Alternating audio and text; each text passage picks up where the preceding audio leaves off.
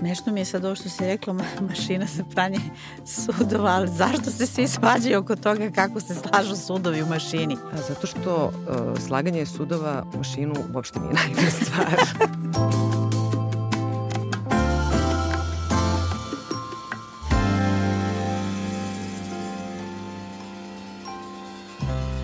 Iva Branković je nedavno za velike priče pisala tekst Brak je timska igra za više od dve osobe. Ona je objasnila da su sastavni deo te igre ili plesa, kako više volite, rasprave i svađe. Uvređeno je mišljenje da kada se neko dvoje u vezi ili braku oko nečega ne slaže, raspravlja ili svađa, da je to loše. Međutim, ako čujemo da neko dvoje kažu mi se nikada ne svađamo, i tu je odmah sumnjivo da nešto nije u redu, jer se i najbolji prijatelji i članovi porodice ponekad posvađaju. Mi ćemo zato u ovoj epizodi podcasta pričati o tome zašto svađanje u braku ili vezi nije uvek nešto loše, zašto je važno i čak neophodno. I zato hajde odmah prvo da razjasnimo da li su svađe u braku i vezi uvek nešto loše. Svađe u braku i vezi nisu uvek nešto loše, one su zapravo neophodne i ti si to lepo rekla, naj, ja se najviše zabrinem onda kada mi neko kaže mi se nikad ne svađamo ili bili smo, ne znam, u vezi pet godina, a nikad se nismo posvađali. Obično ta rečenica ide tako. Bili smo u vezi pet godina i nikad se nismo posvađali jer se ona završila posle pet mm -hmm. godina prvi put kad smo se posvađali. Tako da konflikt i različita mišljenja su nešto što je inherentno, što prirodno pripada svakom odnosu između ostalog zato što smo različiti, to pod jedan, a pod dva zato što uh, je neophodno da bi se, neophodan je konflikt da bismo se razvijali, da bismo se razumeli, da bismo ispregovarali, da bismo bili bolji. Tako da uh, svađe, rasprave su nešto što je mnogo važno i zapravo od kvaliteta i načina kako se svađamo zavisi i kvalitet naše veze. A zbog čega su sve svađe e, važne i neophodne? Koji su to razlozi? Pod jedan su neophodni zato što je neophodno da iskomuniciramo ono što nam je važno i da se nađemo ono što se kaže na pola puta, što nikad nije na pola puta, nego je nekad bliže jednoj osobi, nekad je bliže drugoj osobi, ali je poenta te komplementarnosti u partnerskom odnosu. Ja ne volim reč kompromis, zato što kompromis podrazumeva da smo odustali od nečega, ali volim komplementarnost zato što znači da smo pristali da napravimo neku izmenu u svom funkcionisanju zato što nam je druga osoba prilično važna. E pa tu su nam svađe ključno važne. Da da razumemo drugu osobu, i da izrazimo jasno svoje potrebe da bismo mogli da nađemo način kako ćemo zajedno da funkcionišemo. Ja se sećam kad bih se posvađala s mojom najboljom drugaricom, još kad smo bile mlađe, da, da je ona meni umela posle toga da kaže pa mi ovako možemo da se posvađamo samo zato što se mnogo dobro poznajemo i, i uh, zato što volimo jedna drugu. Da li mi na određen način možemo da se svađamo samo sa bliskim ljudima i da li su u stvari raspravi svađe izraz bliskosti? Uh, da, mi se najintenzivnije svađamo sa najbližim ljudima. Uh, ono što tu postoji kao razlika je da ćemo se na jedan način svađati sa prijateljima, a na drugi način ćemo se svađati sa partnerima. Zato što ono što se aktivira u partnerskom odnosu je e, nešto što je prilično kompleksno, a to je uh, dete u nama. I zato su svađe u partnerskom odnosu mnogo intenzivnije i burnije nego što su u prijateljskom odnosu, jer mi zapravo kada uđemo u partnerski odnos, mi sa nekim kreiramo porodicu. Uh, kako ćemo, naravno da ćemo u tom odnosu onda i da se osjećamo kao dete u por, iz porodice iz koje smo došli. I zato te svađe koje mogu sadržajno da budu slične kao svađe sa prijateljima ili sa ne znam nekim drugim ljudima, one dobijaju jednu novu dimenziju, zato što uvek kada se svađamo u partnerskom odnosu, odnosno vrlo često, posebno kada su svađe ponavljajuće, mi se svađamo oko toga da li se volimo, kako pokazujemo jedni drugima da se volimo, da li se prihvatamo i da li ćemo biti tu jedni za druge. Tako da je onda kada se svađamo oko toga e, ne znam kako je napunjena mašina za sudove ili da li je neko sklonio veš, ako se stalno svađamo oko toga, suštinski mi se pitamo i hoćemo od one druge strane da čujemo jesmo mi okej, okay, jesmo mi zajedno, je li tebi još uvek stalo, da, zašto, zašto mi ne pokazuješ na način koji mi je potreban da me voliš i to je ono zašto te svađe postoje. A, a ranjivi smo jako jer nam se aktivira sve ono što nosimo iz detinjstva, to mogu da budu različite stvari. I onda te svađe budu mnogo intenzivnije i mnogo bolnije nego, nego svađe sa prijateljima. Smešno mi je sad ovo što si rekla, mašina za pranje sudova, ali zašto se svi svađaju oko toga kako se slažu sudovi u mašini? A, zato što uh, slaganje sudova u mašinu uopšte nije najbolja stvar. Zato što su, to je priča, to može da bude priča o vrednostima. E, recimo, ja znam za slučaj gde je pitanje mašine za, za sudove, u stvari pitanje da li mi delimo zajedničke vrednosti oko ekologije. Jer ako ja stavim tri suda i pustim mašinu, a neko smatra da treba da se napuni do kraja mašina zato što je to smisleno ekonomično, to onda je mnogo veća stvar od same estetike sudova u mašini, pošto uglavnom to nije pitanje, mada prepostavljam da i to može da bude kao kako nešto izgleda. Ali uvek se svađamo oko nekog više, ako se svađamo oko nečeg više, to su neke naše suštinske stvari, jer to kako ja e, mislim o ekologiji, kako moj partner misli o ekologiji, to su stvari koje čine naš identitet. Ukoliko ne želim adekvatno da napuni mašinu za veš, ja mu šaljem poruku da ja njega ne prihvatam. pa ti se smeješ, ali oko toga, oko toga se vrti moj, moj ne, posao. Ne, smešno mi je zato što uh, znam, ovaj, uh, znam za skoro sve parovi iz okruženja da se da su nesuglasice oko te mašine za sudove kao ja sam... kako, kako treba to da se složi. U, uvek su to onako različita viđenja. Pa to uvek ima, uvek se postavlja to pitanje moj način ili tvoj način. I to je ono što je nezgodno zato što parovi misle da se svađaju oko tog nametanja čiji je način bolji, a u stvari se svađaju oko prihvatanja. Uh, ako ne prihvataš moj način, ti ne prihvataš mene. I onda je, zato je važno da sa mašine pređemo na, na neke druge stvari. A da bismo mogli uopšte da se bavimo tim dubljim stvarima, moramo prvo da naučimo šta mašina predstavlja. I to je ono što, što mi radimo u partnerskoj terapiji. Da ne mislimo zaista da se ljudi svađaju oko, oko takvih stvari mm -hmm. suštinski, da zbog toga pucaju brakovi. Ne, oni pucaju zato što smo se mi raspravljali oko mašine, pa nekad se desi da se dogovore. To su dobri parovi koji kažu, ok, ti puniš ovako, ja punim ovako, svako će da puni na svoj način. Znaš kako sam ja to rešila? Kako? Pa ja ne punim više. Ja sam joj rekla, ok, puni kako hoćeš i ja ne, uglavnom ne punim mašinu. Samo okay. kad, kad, kad on nije tu da napuni. Tako sam, recimo, i ja bila rešila. Tako da može tako, ali je važno da, da se podelimo. Znači, ili je svako odgovoran za svoj način kako puni mašinu, ili uh, neko prestaje da se time bavi, podelili smo kućne poslove ili razgovaramo o tome šta to zapravo podrazumeva, da to ne bi ostalo, da ne bi bila neka podtema. Jer mi se svađamo oko svakodnevnih stvari, a onda kada su te svađe mnogo jake, onda se zapravo svađamo, pričamo o nečemu drugom, a ne o tome. Zar nije u stvari bolje raspraviti pa se makar i isvađati nego gurati stvari po tepih? Sad te vraćam na početak gde si ti rekla uh, da postoje te veze gde, gde oni kažu mi smo pet godina bili u vezi i nismo se nijednom posvađali, a onda se posvađaju i ta veza se prekine. Dakle, zar nije bolje raspraviti umesto tog guranja stvari po tepih? Tako je. Uvek je bolje raspraviti nego gurati stvari po tepih. Ono što je druga strana te priče, to je da u dugotrajnim vezama, ukoliko postoje velike stvari koje ne možemo da raspravimo i gde ne možemo da se nađemo, onda ih treba gurnuti po tepih. I sad je ovo kontroverzno što ću mm -hmm. da mhm. kažem, ne gurnuti po tepih u smislu negirati, nego jednostavno uh, shvatiti da oko nekih stvari ne možemo da se razumemo i, da, i dogovoriti se da o tome nećemo da raspravljamo. Mm -hmm. Mali primer je vezano za, za mašinu za sudove. Znači, ja bih volala da to bude ovako, on bi volala da to bude ovako. Na kraju ne možemo da se dogovorimo, ajde da se više ne raspravljamo o tome, delimo taj posao tako što će ga jedno od nas raditi i ne pričamo više o tome. Postoje neke veće stvari koje takođe nemamo iste kapacitete da o njima pričamo. Ukoliko, to je vezano za, šta to može da bude? To mogu da budu neke teme iz prošlosti, uh, mogu da budu neki um, nerazrešeni odnosi, mogu da budu naše različite potrebe za, za granicama i za bliskošću i distancom. Ali je važno da to iskomuniciramo. Imamo neke stvari o kojima ne pričamo i to je okej okay, jer mi stavljamo uh, naš odnos kao prioritet.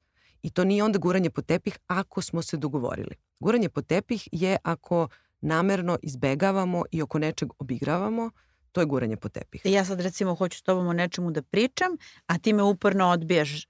Tako je. Nećeš da pričaš o, o, o tome i onda ja nasrćem, dosađujem, dosađujem, ti se onda iznerviraš i onda nastupi Tako je. ogromna Ili svađa. Nastupi ozbiljna svađa, recimo, uh, Uh, ja imam period u prošlosti na koji nisam ponosna, podelila sam to s tobom, a ti bih htela da ga mi detaljno ovaj, obradimo jer ti želiš da razumeš kako je to meni bilo. Ako ja zaista ne želim o tome da pričam, mi možemo da odigravamo ovu igru koju si ti rekla. Znači da ti povremeno čačkaš, a da ja izbegavam ili možemo da se dogovorimo da mi ti veruješ i da ćemo tu temu da stavimo negde sa strane i da nećemo o tome da pričamo. A to mogu da budu i neke stvari iz našeg odnosa. Recimo parovi koji su preživeli, mogu slobodno tako da kažem, koji su izašli iz situacije gde su imali, gde neko imao izvanbračnu aferu, oni tu stvar moraju da u jednom trenutku da obrade, opričaju, ali da je onda stave ad acta. Da, da se, se o tome više ne, više ne razgovara. Da, da. da. Tako da nije svako guranje po tepih loše, a, ali je važno znači da se o važnim stvarima priča o stvarima za koje imamo kapacitete. Znači suštinski mora puno da se komunicira pa i da se iskomunicira o čemu ne komuniciramo. A po čemu se razlikuju parovi koji ne raspravljaju ili se ne svađaju od onih koji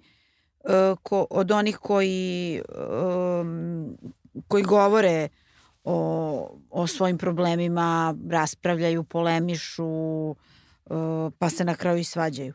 Parovi koji se ne svađaju su uglavnom parovi gde su se našle dve osobe koje smatraju da je konflikt strašno opasan i osobe koje smatraju da su emocije opasne. Zato što su odrasle u porodicama u kojima su se ili dešavale ozbiljne konfliktne, nasilne stvari ili u porodicama u kojima je se isto tako odigravalo, sve je savršeno, sve je super, a vrlo često je onda neko otišao, ne znam, u alkoholizam ili ko zna šta se dešavalo s druge strane. Tako da o problemima uvek mora da se priča, odnosno dobro je da se priča ili oni izlaze uh, kroz neki drugi ventil. Ali da, ljudi, ljudi se boje konflikta, misle da ako se konflikt desi to će nepovratno da naruši odnos, misle da ako se jake emocije u odnosu dese da će to takođe da bude informacija da taj odnos ne valja ili da su oni sami neadekvatni.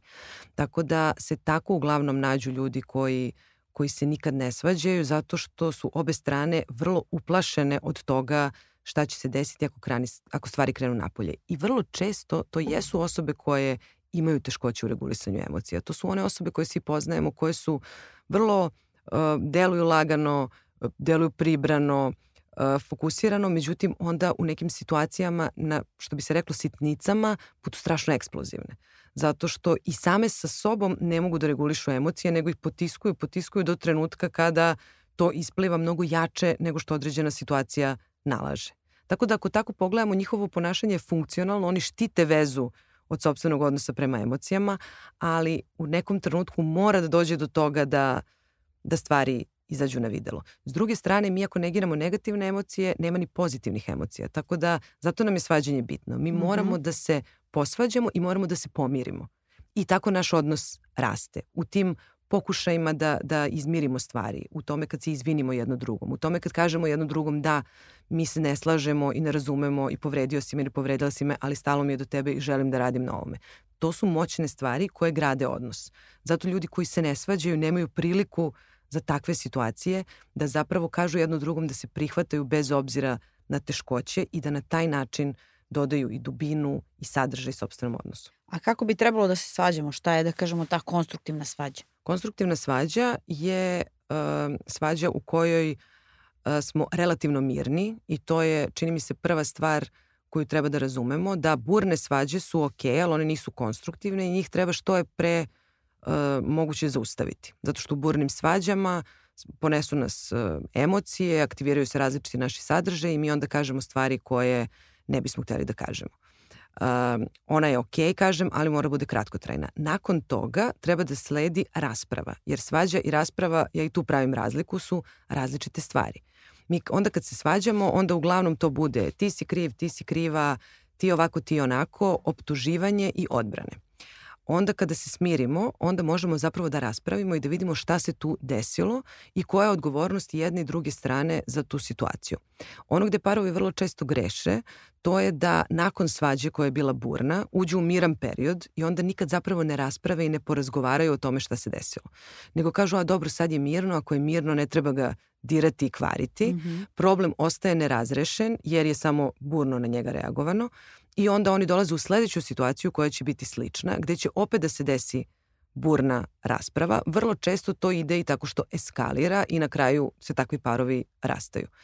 Znači, oni parovi koji se dobro svađaju su pod jedan parovi koji mogu brzo da se pomire nakon svađe, a onda da se znači, vrate u pređašnje stanje, da se smire i da, da se ponovo fokusiraju na odnos, a da onda koliko toliko je moguće, jel, racionalno rasprave o tome šta se desilo, priznaju sobstvenu odgovornost u, u svemu tome, jer uvek je odgovornost sa, sa dve strane, osim naravno kada pričamo o, o nasilju, to je nešto što je potpuno jednostrana priča, ali uvek može da se nađe neka odgovornost za, za nešto u odnosu i onda je važno da se ta odgovornost preuzme i da se zajedno dogovori oko toga kako sledeći put u toj situaciji drugačije. Mi često čujemo ono ne svađajte se pred decom. Hmm. A, e, zašto nije dobro da deca nikada ne vide svađu svojih roditelja i zašto stvari treba da vide i zašto je to dobro? A, deca treba da vide naravno jer je to sastavni deo života, mm -hmm. da mhm. ne bi imali tu iluziju kao ovi parovi o kojima smo pričali mm -hmm. da ako je porodica mora sve da bude savršeno i mirno. Um, deca samo treba da vide dobru svađu, ne treba da vide lošu svađu, jer u stvari onako kako se mi svađamo, vrlo verovatno će deca to da ponesu jel, i da prenesu u svoje dalje odnose. Ono što je važno da deca vide, to je da je svađa, odnosno rasprava, ok. Uh, dobro je čak da vide sve te faze jel, svađe ili, ili rasprave, ali da vide mirenje, da vide kako izgleda kad neko kaže izvini, da vide kad, kako je kada kada neko preuzme odgovornost za svoje ponašanje. To je slično kao što e, su roditelji ranije izbegavali i neku razmenu nežnosti pred decom, ali i svađanje. Jer su su se te stvari potpuno odvajale. Mislim da sada razumemo da, da deca uče od nas i da je jedno i drugo okej. Okay da, da vide da su roditelji bliski i da vide da se roditelji raspravljaju, ali da ostaju bliski uprkos tome što, što se raspravlja. Da, jedan od načina na koji možemo da pomognemo braku kao timu, o čemu si ti pisala, jeste da e, primenimo neke od principa na koje nam je Google skrenuo e, pažnju u petogodišnjoj Aristotel studiji koja se bavila karakteristikama efikasnih timova. Ova studija je pokazala da uspešnost tima zavisi od toga da li u timu postoji ili ne postoji psihološka bezbednost odnosno osjećanje da niko neće biti ismen ili odbačen zato što je pogrešio ili zato što drugačije misli. Kakve to veze ima sa svađama? Pa ima veze sa svađama, zato što mi u stvari postajemo defanzivni, a to je jedna od najvećih, jedna od većih u stvari opasnosti kada su svađe u pitanju. Um, mi postajemo defanzivni, znači da počinjemo da se branimo i postajemo pasivno agresivni. Prestajemo da budemo konstruktivni u raspravi, onda ako mislimo da će nas druga strana osuditi ili ismeti. Da se vratim na početak. Mi se uvek svađamo oko toga i raspravljamo što želimo drugoj strani da kažemo da nam je potrebno neko drugačiji, neki drugačiji način da nam se pokaže ljubav ili nežnost. I ta mašina za, za sudove to isto znači. Treba mi da uradiš to za mene da bi znala da me voliš. E, mi zaboravimo taj deo da bih znala da me voliš, jer to znači da uh, sam slaba, da sam da, tražim nešto, da, da sam ranjiva, a, a da bi to trebalo se podrazumeva, a ništa se ne podrazumeva. I to je ono gde se mi, zašto je važna psihološka bezbednost u smislu da mi možemo u partnerskom odnosu da pokažemo svoju ranjivost, ali da pokažemo svoju pogrešivost. Jer ako znam da ću biti, trpeti osudu zato što sam pogrešila, ja neću priznati svoj deo odgovornosti za neki problem. I onda se nalazimo u začaranom krugu jer se samo ubeđujemo i osuđujemo. A, ovaj, a poenta je, kao što sam rekla, da oboje razumemo da svaki problem nastaje u interakciji i da je zato, ako ćemo da radimo na njemu, potrebno da oboje jer u tome učestvujemo. I to su ključne dve stvari, odgovornost i priznavanje ranjivosti. Ako posle kiše ponovo izađe sunce, da li mi u stvari kroz svađe i rasprave ponovo gradimo bliskost ili kako gubimo tu bliskost i ponovo uspostavljamo u partnerskim odnosima kroz priču, raspravu, pa na kraju i svađu. Kažu, kažu ovaj, e, terapeuti koji se bave e, parovima e, na osnovu jel, posmatranja i istraživanja da je sastavni deo partnerskog odnosa ta konekcija, diskonekcija i onda popravka, odnosno mhm. ponovno povezivanje. I to je ono što je pod jedan važno da znamo da se ne bismo uplašili, da onda kada se posvađamo i kada deluje da smo diskonektovani, da to nije strašno i da ne znači velikom broju slučajeva da je veza loša ili da smo pogrešne priče, nego da je to jednostavno prirodni deo odnosa. Uh, onda ide to ponovno povezivanje i e, čak istraživanje koje je John Gottman, on je jedan kraljeva porodične terapije, ovaj, on je sa svojim suprugom radio istraživanje e, parova e, i pokuš, pokušavao i uspeo sa neverovatno verovatnoćom, mislim da je 96% da predvidi da li će parovi ostati zajedno samo na osnovu načina na koji se oni svađaju. U stvari, načina na koji oni komuniciraju tokom svađe i koliko brzo se oporave nakon svađe. I taj uh, oporavak, odnosno ponovno povezivanje je strašno važno i, i lekovito za partnerski odnos, jer kažem, ona nam omogućava da prihvatimo nesavršenost svoje veze, da prihvatimo nesavršenost sobstvenog partnera i da prihvatimo sobstvenu nesavršenost. Jer nekako je to da je lični rad je mnogo važan u partnerskom odnosu. Mi zbog sobstvene ranjivosti nekad nismo sposobni da se povežemo sa drugim ljudima. A u partnerskom odnosu zapravo imamo priliku za korektivno iskustvo za sve to, da, da to prihvatimo, razumemo, da se povežemo i da se onda iz toga dalje razvijemo. Iva, hvala ti puno. A, a vama ako se svidela ova epizoda podcasta Kako da izgradite dobar život, preporučujem da poslušate i epizodu u kojoj smo govorili o tome kako lakše da prebolite raskid. Možete nas slušati na svim platformama Spotify, Deezer, Podcast, RS, Apple Podcast ili na sajtu Velike priče, a ima nas i na YouTube.